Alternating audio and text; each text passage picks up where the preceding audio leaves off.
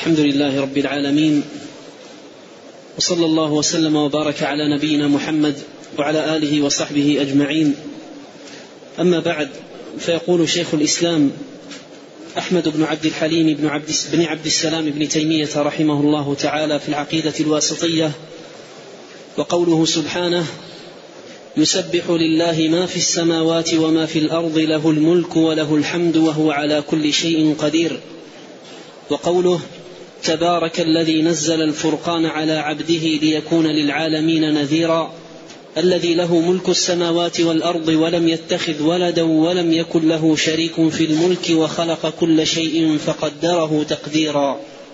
وقوله ما اتخذ الله من ولد وما كان معه من إله إذا لذهب كل إله بما خلق ولعلى بعضهم على بعض سبحان الله عما يصفون. عالم الغيب والشهادة فتعالى عما يشركون. وقوله فلا تضربوا لله الأمثال إن الله يعلم وأنتم لا تعلمون.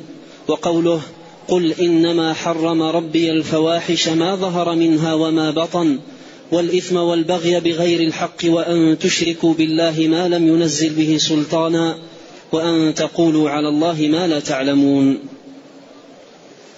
الحمد لله رب العالمين. وأشهد أن لا إله إلا الله وحده لا شريك له وأشهد أن محمدا عبده ورسوله صلى الله وسلم عليه وعلى آله وصحبه أجمعين. أما بعد فهذه الآيات كلها كما عرفنا بالأمس تتعلق بباب النفي في توحيد الأسماء والصفات. وأيضا عرفنا فيما سبق أن مبنى توحيد الأسماء والصفات على النفي والإثبات. نفي ما نفاه الله سبحانه وتعالى عن نفسه وما نفاه عنه رسوله صلى الله عليه وسلم وإثبات ما أثبته الله لنفسه وما أثبته له رسوله صلى الله عليه وسلم. كما قال الأوزاعي رحمه الله ندور مع السنة حيث دارت أي نفيا وإثباتا فما أثبت في الكتاب والسنة اثبتناه وما نفي في الكتاب والسنة نفيناه. والمصنف رحمه الله تعالى في هذه الآيات يسوق جملة من دلائل القرآن الكريم على النفي. نفي ما لا يليق بالله سبحانه وتعالى وتنزيه الرب جل وعلا عنه. والأصل في النفي أن يكون مجملا. الأصل في النفي أن يكون مجملا. وفي الإثبات أن يكون مفصلا. ولكن قد يأتي تفصيل في النفي. قد يأتي تفصيل في النفي لمقام يقتضي ذلك. فمثلا لما نسب إليه أعداؤه وأعداء دينه أنه اتخذ ولدا نفى ذلك. ولما نسب إليه أعداؤه وأعداء دينه أنه تعب لما خلق السماوات والأرض نفى ذلك. وما مسنا من لغوب. وهكذا يأتي التفصيل في النفي لمقام يقتضي ذلك. وأما الأصل في النفي أنه مجمل وعندما يؤتى بالنفي مجملا هذا أبلغ في الكمال والمدح والثناء. بخلاف التفصيل في النفي عن غير حاجة فإنه أقرب إلى الذم منه إلى المدح. لكن إذا احتيج إليه في مقام ما فيؤتى به أي النفي المفصل على قدر الحاجة. وآيات القرآن وأحاديث الرسول عليه الصلاة والسلام فيها نفي مجمل وتفص وإثبات مفصل وإثبات مفصل. وقد يأتي إجمال آه، وقد يأتي تفصيل في النفي كما أوضحت لما لمقام يقتضي أو لسبب يقتضي ذلك.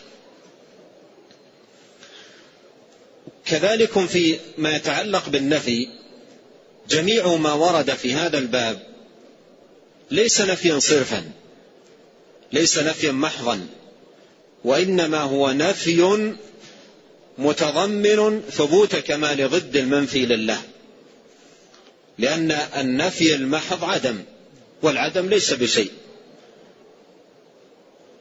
فكل نفي يرد فإنه متضمن ثبوت كمال ضد المنفي لله. مثلا قول الله تعالى وما كان آه وما كان ربك نسيا لا يضل ربي ولا ينسى. نفي النسيان ليس نفيا صرفا. وإنما هو نفي متضمن ثبوت كمال الضد ألا وهو كمال العلم. فقوله لا يضل ربي ولا ينسى أي لكمال علمه. وقوله تعالى وما كان الله ليعجزه من شيء في السماوات ولا في الأرض. نفي العجز لكمال قدرته وقوته. ولا يظلم ربك أحدا وما ربك بظلام للعبيد. هذا النفي فيه إثبات كمال عدله. لا تأخذه سنة ولا نوم. فيه كمال حياته وكمال قيوميته. ولا يؤوده حفظهما أي لا يثقله. فيه كمال قوته سبحانه وتعالى وكمال حفظه. وهكذا قل في جميع ما يرد في هذا الباب فكل نفي ورد ليس نفيا صرفا وإنما هو نفي متضمن ثبوت كمال ضد المنفي. آخر آية مرت معنا بالأمس هي قول الله تعالى تبارك الذي نزل الفرقان على عبده ليكون للعالمين نذيرا الذي له ملك السماوات والأرض. ولم يتخذ ولدا ولم يكن له شريك في الملك وخلق كل شيء فقدره تقديرا. مضى الكلام عن معنى هذه الآية وأشرت إلى فائدة ثمينة تستفاد من هذه الآية أزيدها بعض البيان. وذلكم في قول الله سبحانه وتعالى الذي نزل الفرقان. وعرفنا أن المراد بالفرقان أي القرآن كلام الله سبحانه وتعالى. وأنه سمي فرقانا لأن الله فرق به بين الحق والباطل والهدى والضلال. ففي الآية ذكر جل وعلا القرآن بوصف الإنزال نزل القرآن. نزل القرآن. وذكر غيره بوصف الخلق. وذكر غيره في الآية بوصف الخلق. ولهذا قال في تمامها وخلق كل شيء. وخلق كل شيء فقدره تقديرا.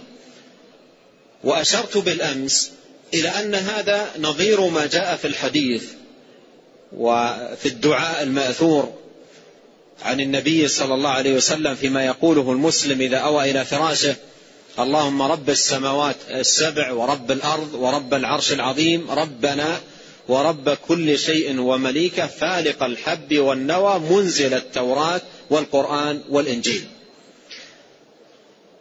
فالقرآن والتوراة والإنجيل ذكرها بوصف الإنزال منزل.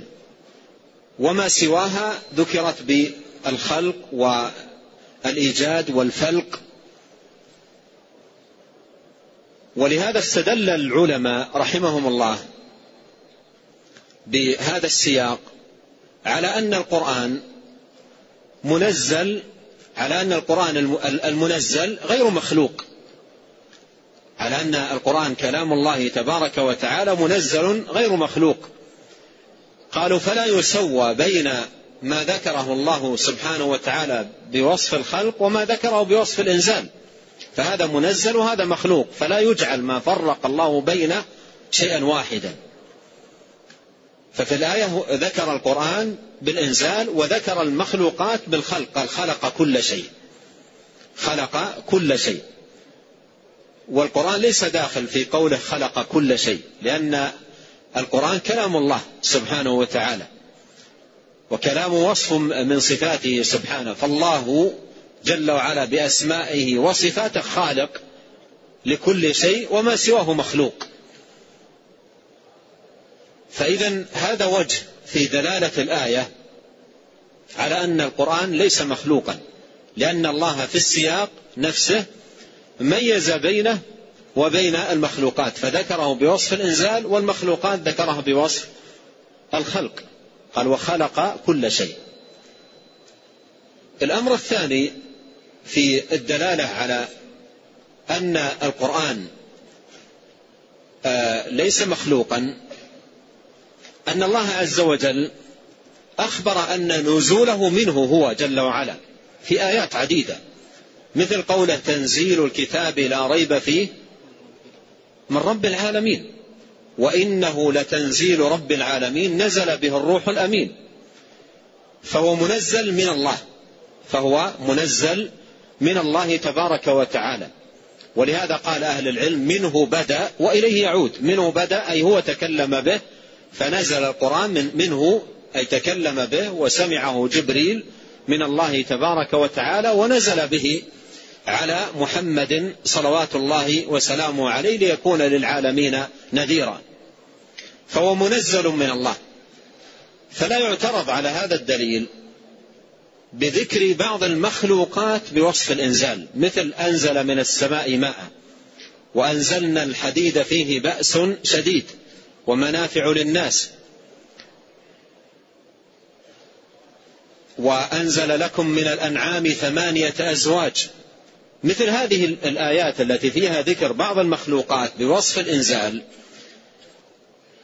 لا لا لا يحتج أو لا يعترض به على الاستدلال بكون القرآن منزل على نفي الخلق لأن القرآن منزل من الله.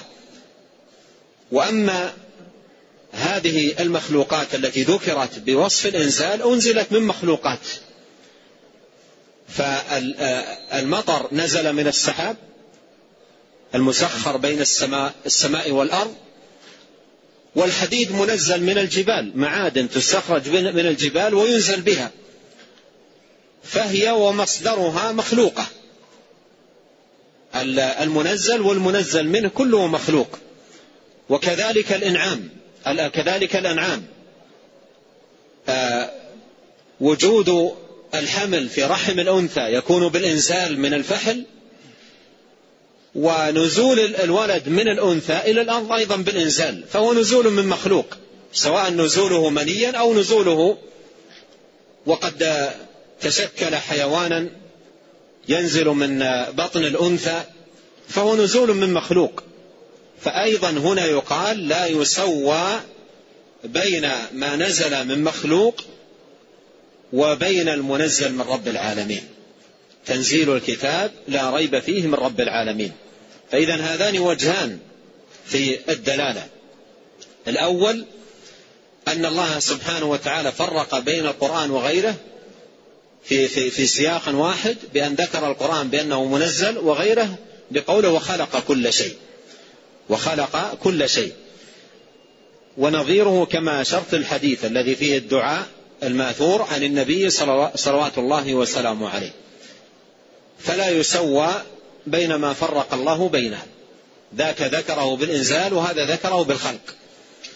وأيضا لا يسوى من جهة أخرى ما ذكر الله عنه أنه منزل منه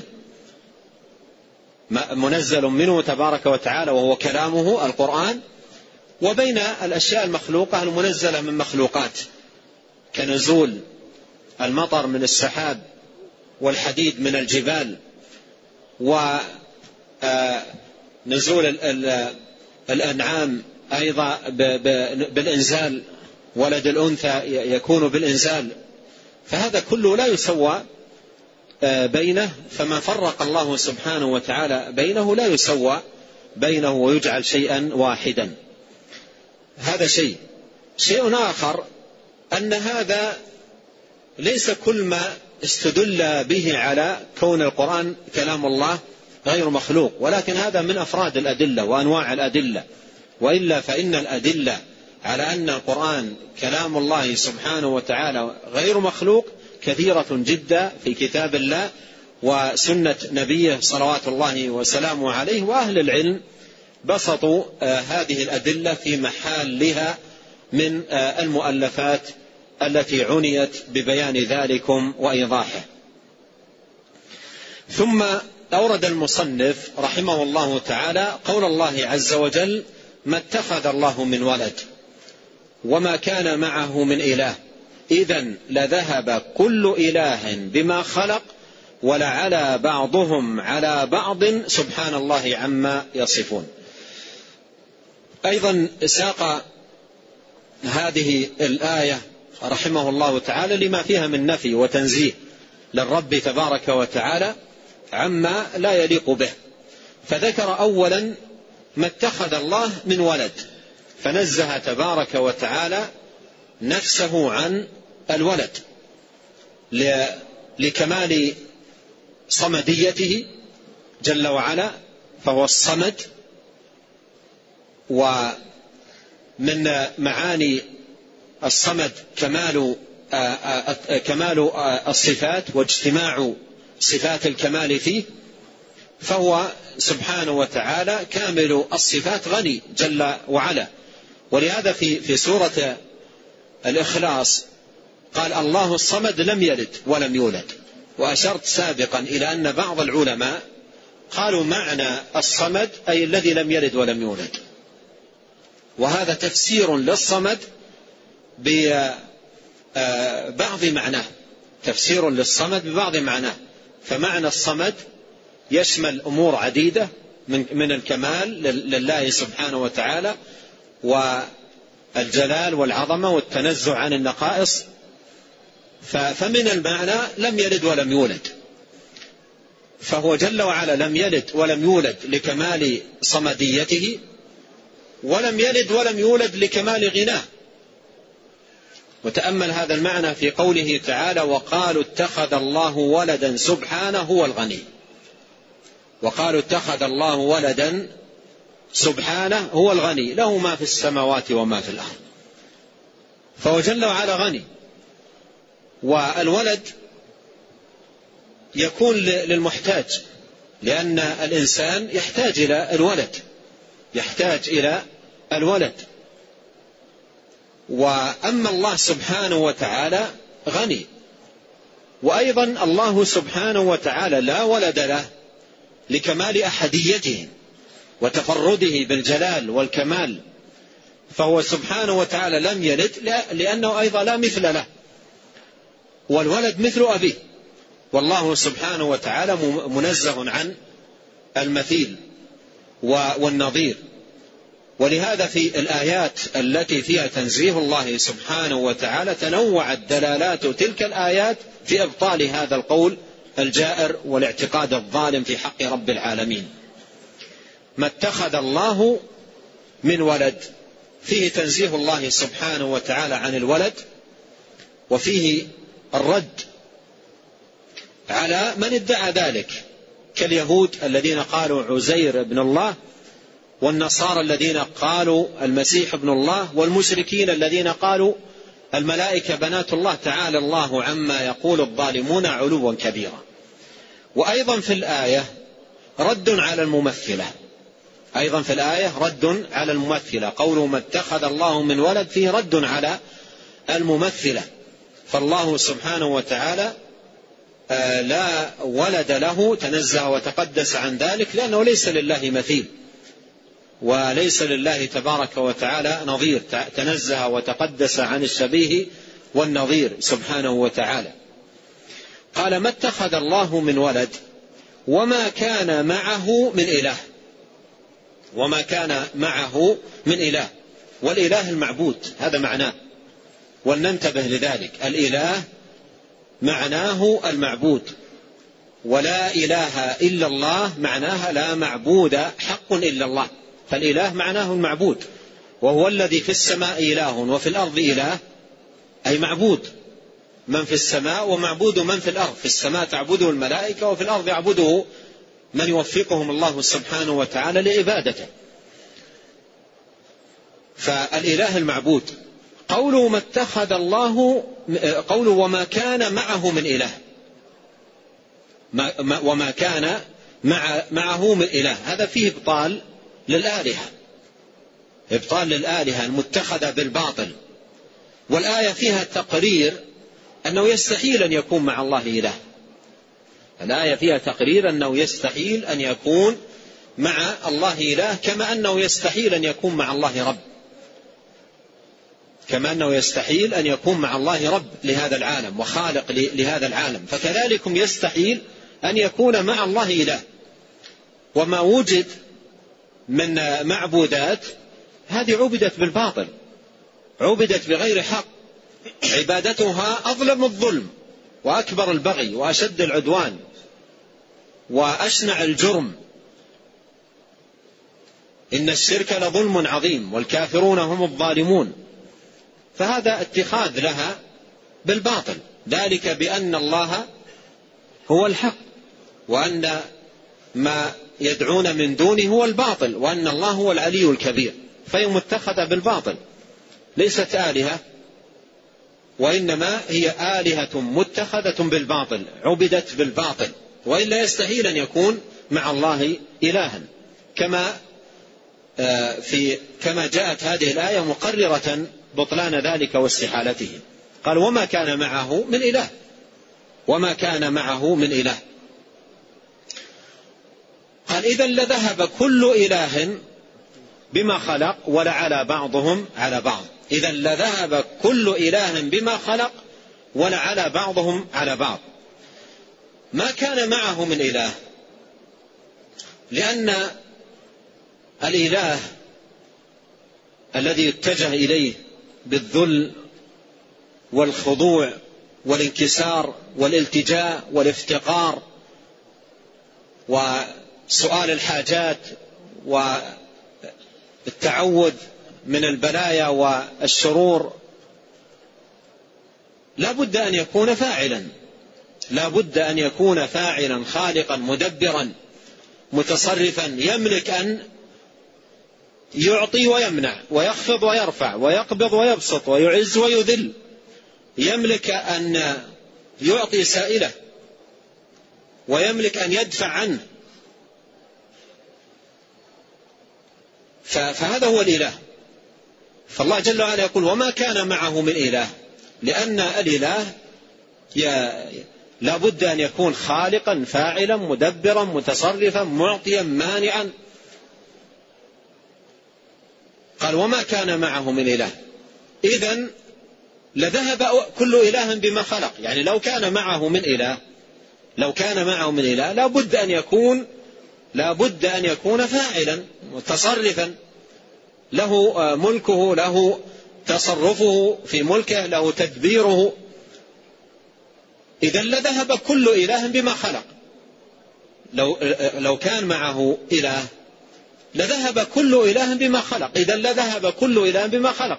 يعني يستقل كل إله بمخلوقاته. يستقل كل كل إله بمخلوقاته. واستغلال استقلال كل إله بمخلوقاته يقتضي عدم انتظام المخلوقات. لأن لها أكثر من متصرف. فيقتضي عدم انتظامها. لكن انتظام المخلوقات يقضي ببطلان الشرك. انتظام المخلوقات من من الذرة إلى أكبر شيء في هذا الكون كله دليل على بطلان الشرك. لأن هذا الكون كله لله بذراته ودقيقه وصغيره كله لله رب العالمين. وما سوى الله لا يملك شيئا. قل ادعوا الذين زعمتم من دون الله لا يملكون مثقال ذرة. لا يملكون مثقال ذرة في السماوات ولا في الأرض. لا يملك شيئا. لو كان هناك إله لا لا لا لكان لا بد أن يكون فاعلا خالقا متصرفا له ملك له ملك. فلو كان له ملك لذهب كل إله بما خلق إذا لا ينتظم الكون. إذا لا ينتظم الكون. وأيضا ولعل بعضهم على بعض. ولعل بعضهم على بعض. يعني هذه الآلهة المزعومة تتغالب.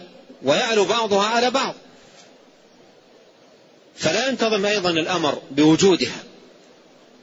فهذا من أدل الدليل وأبين البرهان على بطلان اتخاذ الآلهة وأن الألوهية لله رب العالمين وأنه تبارك وتعالى المعبود بحق ولا معبود بحق سواه. وليس هذا الدليل آه، محصورا في تقرير الربوبية. وأنه لا خالق إلا الله ولا رب إلا الله. بل في تقرير العبودية لله رب العالمين والذل له وأنه المعبود بحق ولا معبود بحق سواه. وما يعرف بدليل التمانع عند المتكلمين محصور على إثبات الربوبية لله سبحانه وتعالى. ويريدون هذا المعنى في تقرير ربوبية الله وأنه الخالق لهذا الكون. وهذا أمر مركوز في الفطر. مركوز في في الفطر ثابت في النفوس. ولا وهو لا يحتاج إلى آه، بسط أدلة وكثرة براهين. وقد اشتغل المتكلمون بتقرير الربوبية وأنه لا رب إلا الله بأدلة فيها آه، طول وتعقيد واستطرادات وتكثير من الأدلة في مقام هو واضح. ولهذا من طريف ما يذكر أن أحد كبار المتكلمين وكان معه طلابه يمشي في طريق فمروا بامرأة عجوز. فقالت من هذا؟ ما عرفته قالوا ما تعرفينه؟ أحد طلابه غضب. ما تعرفينه؟ هذا فلان. عنده أكثر من ألف دليل على وجود الله. ما تعرفينه؟ هذا فلان عنده أكثر من ألف دليل على وجود الله. فقالت تلك المرأة بفطرتها والله لو لم يقم في قلبه ألف شك ما احتاج إلى ألف دليل. لو لم يقم في قلبه ألف شك ما احتاج إلى ألف دليل. يعني هذه الأدلة وهذه الإطالة مبنية على الشكوك وعلماء الكلام من أكثر الناس آه، ابتلاء بالشكوك التي ولدت عندهم مثل هذا الإيغال والإغراق في في أمور لا طائل من ورائها حتى العوام ينكرونها بفطرهم. فالآية الكريمة في إثبات العبودية ما اتخذ الله من إله. ما اتخذ الله نعم وما كان وما كان معه من إله. ما قال وما كان معه من رب أو ما كان معه من خالق. قال وما كان معه من إله. وما كان معه من إله. فالآية في مقام العبودية وهي تتضمن ما يتعلق بالربوبية. لكنها أصالة في بيان العبودية وأنه حق لله سبحانه وتعالى وأنه جل وعلا المعبود بحق ولا معبود بحق سواه. قال وما كان معه من إله إذا لذهب كل إله بما خلق ولعلى بعضهم على بعض. ولعلى بعضهم على بعض. سبحان الله عما يصفون. أي تنزه الرب تبارك وتعالى وتقدس عما يصفون أي أعداؤه وأعداء دينه. ويزعمون ويدعون ويفترون من وجود الآلهة والمعبودات. سبحان الله عما يصفون. ومثلها قوله سبحان ربك سبحان ربك رب العزة عما يصفون وسلام على المرسلين. والحمد لله رب العالمين. ومرت معنا في صدر الكتاب. والتسبيح التنزيه. وقد مر معنا الكلام على معناه. التسبيح التنزيه. تسبيح الله أي تنزيهه. وتقديسه جل وعلا ومن أسماء ربنا جل وعلا السبوح. وقد كان عليه الصلاة والسلام يقول في ركوعه وسجوده سبوح قدوس. رب الملائكة والروح. فالسبوح اسم من أسماء الله والقدوس اسم من أسماء الله والسلام وهي كلها من الأسماء الدالة على التنزيه. وهي من الأسماء الدالة على التنزيه. تنزيه الرب جل وعلا عما لا يليق به. وقوله عما يصفون أي ما يصفه به أعداء الرسل. فإن ما يصف أعداء الرسل به رب العالمين كله إلحاد وقول على الله بلا علم بخلاف ما يصفه به المرسلون. ولهذا في الآية التي تقدمت سبحان ربك رب العزة عما يصفون وسلام على المرسلين. لما نزه تبارك وتعالى نفسه عما يصفه به أعداء الرسل سلم على المرسلين. لماذا؟ مر معنا كلام شيخ الإسلام لسلامة ما قالوه في الله من النقص والعيب. فالذي يقوله المرسلون في حق الله سالم من النقص والعيب. أما الذي يقوله أعداء الرسل فإنه كلام باطل وقول ينزه الرب تبارك وتعالى عنه ويقدس. قال عالم الغيب والشهادة. عالم الغيب والشهادة وهذا برهان آخر على بطلان الشرك وبطلان اتخاذ الأنداد والشركاء مع الله سبحانه وتعالى. قال عالم الغيب والشهادة اي يعلم تبارك وتعالى كل شيء لا تخفى عليه خافية. في الأرض ولا في السماء. الغيب أي ما غاب عن الناس. وأما في حقه جل وعلا فالكل شهادة. الغيب عنده شهادة والسر عنده علانية لكن هو غيب في حقنا في حق الناس. وأما الرب سبحانه وتعالى فالغيب عنده شهادة والسر عنده علانية. فقوله عالم الغيب أي ما يغيب عن الناس. ويخفى عن الناس. وأما في حقه جل وعلا فكله شهادة. والسر كله علانية. لا تخفى على الله سبحانه وتعالى خافية. أحاط علما بكل شيء. عالم الغيب والشهادة. أي أحاط علما تبارك وتعالى بكل شيء. أحاط علما بكل شيء. وهذا برهان من براهين وجوب توحيده وإخلاص الدين له سبحانه وتعالى الذي أحاط علما بكل شيء. قال عالم الغيب والشهادة فتعالى عما يشركون. تعالى أي تنزه وتقدس عما يشركون أي عن شرك المشركين وتنديد المنددين واتخاذ الآلهة معه تبارك وتعالى. تعالى أي تقدس وتنزه عن ذلك. فهذه كلها اتخذت بالباطل. كلها اتخذت بالباطل فالمعبود بحق هو الله رب العالمين وما سواه آلهة متخذة وأسماء سماها أصحابها بغير حق وعبدوها بغير حق والتجأوا إليها بغير حق فهي آلهة بالباطل. ذلك بأن الله هو الحق وأن ما يدعون من دونه هو الباطل وأن الله هو العلي الكبير. ثم أورد قول الله تعالى فلا تضربوا لله الأمثال. فلا تضربوا لله الأمثال. فيه النهي عن ضرب الأمثال أي الأشباه والنظرة وهذا مما لا يحل بل هو من أبطل الباطل وأضل الضلال. أن يجعل لله نظير أو أن يجعل لله مثيل تنزه وتقدس. قال تعالى ليس كمثله شيء. قال تعالى هل تعلم له سميا؟ فالله لا مثيل له. ولهذا قال فلا تضربوا لله الأمثال. وهذا فيه إبطال الأقيسة العقلية الفاسدة الباطلة في حقه جل وعلا. ولهذا السلف قديما آه، قالوا لا يقاس بخلقه. ومرت معنا هذه اللفظة عند شيخ الإسلام في صدر الكتاب ولا يقاس بخلقه.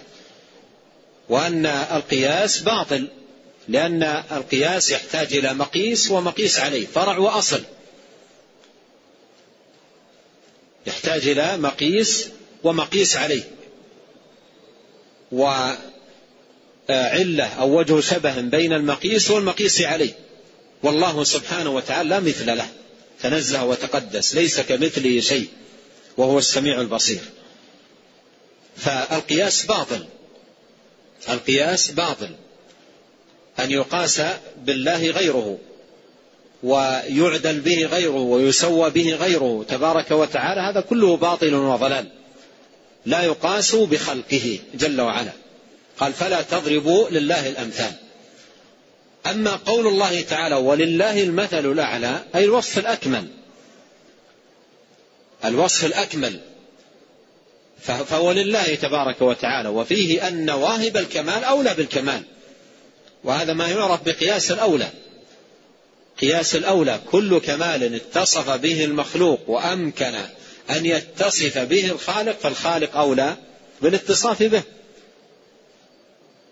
لأن واهب الكمال أولى بالكمال. وهذا يختلف عن الأقيسة الباطلة التي هي إلحاق آه، فرع بأصل أو مثل بمثل. فهذا باطل ولا يجوز في حق ربنا تبارك وتعالى لأنه لا يقاس بخلقه. قال فلا تضربوا لله الأمثال إن الله يعلم وأنتم لا تعلمون. إن الله يعلم وأنتم لا تعلمون. إن الله يعلم إن الله يعلم أي أحاط علما بكل شيء. ومن ذلكم ما أخبر به سبحانه وتعالى عن نفسه أنه لا مثل له. في مواضع كقوله ليس كمثله شيء وقوله هل تعلم له سميا فالله سبحانه وتعالى يعلم وأنتم لا تعلمون. يعني هؤلاء الذين يضربون الأمثال ويجعلون لله النظراء ويقيسون الله بخلقه ويتخذون معه الأنداد هذا كله قول بلا علم. إن الله يعلم وأنتم لا تعلمون. ولهذا من الله سبحانه وتعالى على أهل الإيمان بأخذ العلم الذي جاءهم من الله والهدى الذي جاءهم من الله. ومن سواهم ضلوا لأنهم بنوا أديانهم على عقولهم وآرائهم وأذواقهم إلى غير ذلك. إن الله يعلم. وأنتم لا تعلمون. إن الله يعلم. أي علمه سبحانه وتعالى محيط بكل شيء. أحاط بكل شيء علما. ومما يتناول قوله يعلم يعلم سبحانه وتعالى أنه لا مثل له فلا تضربوا لله الأمثال. إن الله يعلم. فاتخاذ أو جعل الأمثال والنظراء والشركاء هذا كله قول بلا علم ومثل هذا المعنى آه، قول الله سبحانه وتعالى في في سورة الرعد أفمن هو قائم على كل نفس بما كسبت وجعلوا لله شركاء قل سموهم أم تنبئونه بما لا يعلم في الأرض أم بظاهر من القول؟ وقال نبئوني بعلم. يعني من يأتي ب من يتخذ الأنداد ويتخذ الشركاء مع الله سبحانه وتعالى يقول بلا علم ليس عنده فيه أثارة من علم ليس عنده فيه آه، برهان ليس عنده فيه حجة. فالآيات في هذا المعنى كثيرة.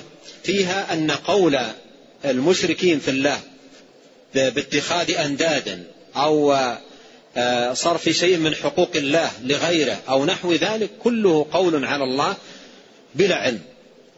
مثله قوله ومن يدعو مع الله إلها آخر لا برهان له به. فإنما حسابه عند ربه يعني ليس عنده علم ولا برهان على اتخاذه إلها مع الله سبحانه وتعالى. قال إن الله يعلم وأنتم لا تعلمون. ثم أورد قول الله سبحانه وتعالى قل إنما حرم ربي الفواحش قل إنما حرم ربي الفواحش ما ظهر منها وما بطن والإثم والبغي بغير الحق وأن تشركوا بالله ما لم ينزل به سلطانا وأن تقولوا على الله ما لا تعلمون. وهذه الآية التي ختم بها رحمه الله تعالى هذا السياق. الذي هو باب النفي آه تسمى آية المحرمات. آية المحرمات فيها ذكر خمس آه محرمات اتفقت الشرائع آه شرائع الأنبياء على تحريمها. فما من نبي بعثه الله سبحانه وتعالى إلا وجاء بتحريم هذه المحرمات. فهي محرمات متفق على تحريمها في نبوة جميع الأنبياء. في نبوة جميع الأنبياء. وذكرت ترتيبا حسب الأسهل ثم الأغلظ ثم الأغلظ وهكذا. فبدأها بقوله قل إنما حرم ربي الفواحش. حرم ربي الفواحش. والتحريم هنا التحريم الشرعي. لأن التحريم يأتي ويراد به التحريم الشرعي ويأتي ويراد به التحريم الكوني القدري. مثل قوله وحرام على قرية. هذا تحريم كوني لكن هنا قوله تبارك وتعالى قل إنما حرم ربي الفواحش هذا تحريم شرعي. حرمها أي جاءت الشرائع بمنعها والنهي عنها والتحذير من فعلها. قل إنما وإنما للحصر. أسلوب من أساليب الحصر فالمحرمات في, في ترجع في جملتها إلى هذه الخمس المذكورة في الآية. قل إنما حرم ربي الفواحش. قل إنما حرم ربي آه، الفواحش. هنا التحريم آه، ينسب إلى الله لأنه الذي يحرم. هو الذي يحرم. والتحريم والتحليل لله. لله سبحانه وتعالى وحده لا شريك له هو الذي يحلل وهو الذي يحرم وهو الذي يشرع. أم لهم شركاء؟ شرعوا لهم من الدين ما لم يأذن به الله. إذا فما, فما معنى قول النبي صلى الله عليه وسلم إن إبراهيم حرم مكة وإني حرمت المدينة مع أن التحريم كله لله والذي يحرم هو رب العالمين سبحانه وتعالى. المراد بأن إبراهيم حرم مكة أي أظهر الحرمة. ومحمد عليه الصلاة والسلام حرم المدينة أي أظهر الحرمة الذي حرمها الله. وما على الرسول إلا البلاغ. وما على الرسول إلا البلاغ. فهو بلغ التحريم وأظهره. حرم حرمت المدينة هذا معناه. أما التحريم كله لله والتحليل كله لله. هو الذي يحرم وهو الذي يحلل وهو الذي يشرع. والرسل مهمتهم البلاغ. الرسل مهمتهم البلاغ. قل إنما حرم ربي الفواحش ما ظهر منها وما بطن. الفواحش هي المعاصي والآثام آه، التي ظهر فحشها. وهي مستفحشة عند الناس من ذوي الفطر آه، السليمة والأفئدة المستقيمة. فالفواحش قل إنما حرم ربي الفواحش ما ظهر منها وما بطن أي ما كان منها معلنا وما كان منها مختفا به أو مستترا به كله محرم. قل إنما حرم ربي الفواحش ما ظهر منها وما بطن والإثم. والإثم قيل آه، آه، الذنوب. فهو تعميم من بعد تخصيص لأن الفواحش آثام. فقوله والإثم تعميم بعد تخصيص. وقيل إن المراد بالإثم هنا الخمر خاصة لأن أم الآثام وأم الخبائث. والإثم والبغي أي العدوان. الاعتداء على الآخرين في أعراضهم في دمائهم في أموالهم. إن دماءكم وأموالكم وأعراضكم حرام عليكم. والبغي بغير الحق. والبغي بغير الحق أي ظلم الناس والعدوان عليهم أو التعدي عليهم ظلما وبغيا. آه، وأن تشركوا بالله ما لم ينزل به سلطانا. وأن تشركوا بالله ما لم ينزل به سلطانا. وهذا فيه إبطال للشرك كله لأن كل شرك وجد لا سلطان عليه. كل شرك وجد لا سلطان عليه. نظير هذه الآية قول الله سبحانه وتعالى ومن يدعو مع الله إلها آخر لا برهان له به. البرهان هو الحجة. وقوله لا برهان له به هذا وصف لازم لكل شرك. هذا وصف لازم لكل شرك. فكل شرك لا ينفك عن هذا الوصف. كل شرك أيا كان ومهما كان لا ينفك عن هذا الوصف لا برهان لصاحبه به. وهنا قال وأن تشركوا بالله ما لم ينزل به سلطانا. فكل شرك وجد لا سلطان عليه. لا سلطان عليه. وقوله ما لم ينزل به سلطانا هذا من أقوى ما يكون في إبطال كل باطل. والأنبياء عليهم صلوات الله وسلامه استعملوا هذا البرهان وهذه الطريقة في الاستدلال في رد باطل المبطلين وشرك المشركين. انظر على سبيل المثال قول يوسف عليه السلام لصاحبي السجن أرباب متفرقون خير أم الله الواحد القهار؟ ما تعبدون من دونه إلا أسماء سميتموها أنتم وآباؤكم ما أنزل الله بها من سلطان. وأيضا في دعوة نبينا عليه الصلاة والسلام فرأيتم اللات والعزى ومناة الثالثة الأخرى؟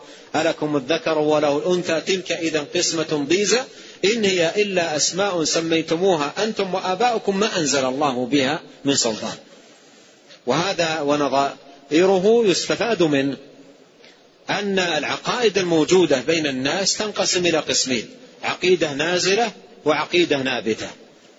عقيدة نازلة. أي نزل بها سلطان من الله نزل بها وحي نزل بها برهان من الله سبحانه وتعالى. فتسمى عقيدة نازلة نزل, نزل بها وحي. والأنبياء كل ما جاءوا به من الأديان والعقائد والأعمال كلها وحي. قل إنما أنذركم بالوحي وذكر بالقرآن. وما ينطق عن الهوى إن هو إلا وحي. إن هو إلا وحي يوحى. فالعقيدة النازلة هي العقيدة التي جاء بها وحي من الله سبحانه وتعالى رب العالمين والاعتقاد لله. اليوم أكملت لكم دينكم وأتممت عليكم نعمتي ورضيت لكم الإسلام دينا. وقال ومن يبتغي غير الإسلام دينا فلن يقبل منه. وقال إن الدين عند الله الإسلام.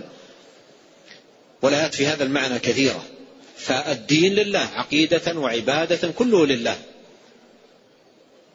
والدين ما شرع سبحانه وتعالى.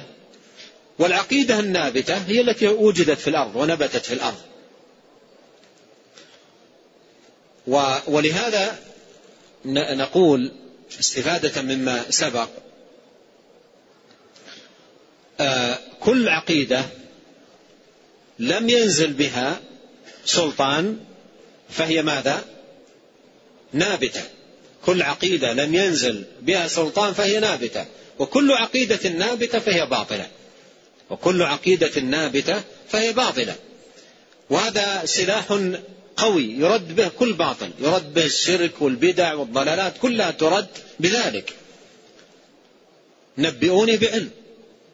هاتوا حجة هاتوا دليل من كلام الله من كلام رسوله عليه الصلاة والسلام على أن هذا الأمر قد شرعه الله. إن لم يأتي بالدليل كانت العقيدة والعبادة التي يمارسها عملا ماذا؟ نابتا اخترع وأنشئ وكل آه، آه، المخترعات والأعمال المنشآت هذه كلها آه، باطلة لا تقبل من صاحبها فإن من عمل عملا ليس عليه أمر النبي صلى الله عليه وسلم فهو مردود على صاحبه غير مقبول منه. قال وأن تشركوا بالله ما لم ينزل به سلطانا. المراد بالسلطان أي البرهان والحجة. المراد بالسلطان أي البرهان والحجة وسميت الحجة والبرهان سلطانا لأن لها سلطة على القلوب لأن لها سلطة على القلوب. ثم ختم جل وعلا بقوله وأن تقولوا على الله ما لا تعلمون. وأن تقولوا على الله. في أسمائه وصفاته وأفعاله وشرعه سبحانه وتعالى ما لا تعلمون. وهذا وهذا أكبر المحرمات وأشدها. وأشدها. وجميع المحرمات السابقة داخلة فيه. داخلة فيه لأنها هي هي تقريرها هو من القول على الله بلا علم. تقريرها والدعوة إليها والتحريض على فعلها كله قول على الله سبحانه وتعالى بلا علم. فالقول على الله جل وعلا بلا علم هو أشد المحرمات وأغلظها وهو سبب كل بلاء وشر. لأن الشرور والأباطيل والشركيات والبدع والضلالات وكل هذه الأمور هي نتيجة لماذا؟ نتيجة عن على نتيجة عن للقول على الله بلا علم. إما قول على الله بلا علم في أسمائه أو قول على الله بلا علم في صفاته أو قول على الله بلا علم في أفعاله أو قول على الله بلا علم في شرعه سبحانه وتعالى.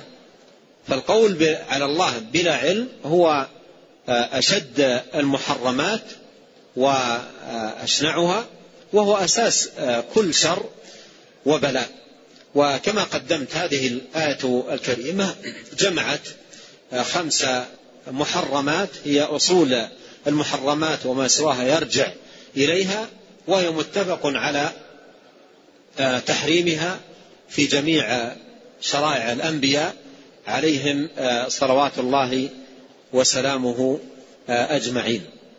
ونسأل الله الكريم رب العرش العظيم أن ينفعنا جميعا بما علمنا وأن يزيدنا علما وأن يجعل ما تعلمناه حجة لنا لا علينا وأن يصلح لنا شأننا كله والله أعلم وصلى الله وسلم على عبده ورسوله نبينا محمد. نعم. أحسن الله إليكم وبارك فيكم ونفعنا الله بما قلتم وغفر الله لنا ولكم وللمسلمين. أحسن الله إليكم. يقول هذا السائل هل القدوس من أسماء الله؟ القدوس من أسماء الله الحسنى جاء في أواخر سورة الحشر الملك القدوس. وهو من أسماء التنزيه من أسماء التنزيه وأيضا جاء في ذكر الركوع والسجود سبوح قدوس آه، رب الملائكة والروح. فالقدوس اسم من أسماء التنزيه يدل على تقديس الله أي تنزيه الله. عما لا يليق بجلاله وكماله سبحانه. نعم. أحسن الله إليكم. يقول ما علامات التوبة وكيف تعرف؟ التوبة لا تكون مقبولة إلا إذا كانت نصوحة. إلا إذا كانت نصوحة. والتوبة النصوح هي التي يكون تكون عن ندم على فعل الذنب وإقلاع عن فعله وعزم على عدم العودة إليه. فإذا كانت بهذه الصفة فهي توبة النصوح. ومن كان مذنبا وعلم من نفسه أنه تاب توبة نصوح ف فيرجو بذلك أن يكون الله سبحانه وتعالى تاب عليه. نعم. التقييد في قوله سبحانه بغير الحق هل هناك بغي بحق؟ آه، التقييد بغير الحق أي إذا كان آه، مثلا آه، قتله للقاتل بغير حق أو أخذه لمال منه بغير حق. فهذا هو المراد. آه، مثل ما قال عليه الصلاة والسلام في آه، آه، في في في في المحرمات. قال نعم قال لا لا, لا يحل دم امرئ مسلم إلا بإحدى ثلاث النفس بالنفس. يعني فهنا إذا كان قتلت نفس بنفس هذا قتل لها بحق. قتل لها بحق. أيضا في الحديث الآخر في الحج قال ألا إنما هن أربع لا تشركوا بالله شيئا و آه، ألا تشركوا بالله شيئا ولا تقتلوا النفس التي حرم الله إلا بالحق ولا تزنوا ولا تسرقوا. ولا تقتلوا النفس التي حرم الله إلا بالحق. وأيضا في القرآن قال والذين لا يدعون مع الله إلها آخر ولا يقتلون النفس التي حرم الله إلا بالحق ولا يزنون. نعم. أحسن الله إليكم. يقول أشكل علي حديث خلق الله ثلاثة بيمينه وذكر فيه كتب التوراة بيمينه. فهل في هذا أن التوراة مخلوقة؟ لا لا أبدا. آه ذكر يعني في صدر الحديث أنه لم يخلق آه، بيمينه إلا ثلاث وذكر التوراة بالكتابة. قال كتب التوراة بيمينه. فآدم آه، خلقه الله بيده وجنة عدن خلقها بيده والعرش مثل ما مر معنا في الحديث والتوراة كتبها الله سبحانه وتعالى بيده. نعم.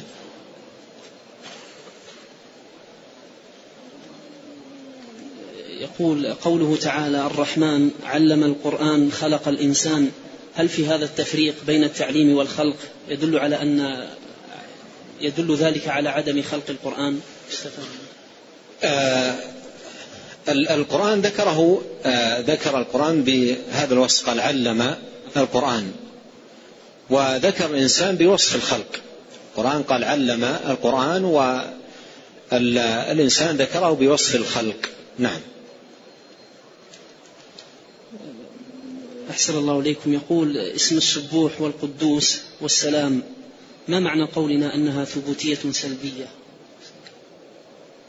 هذه الأسماء هي من أسماء التنزيه.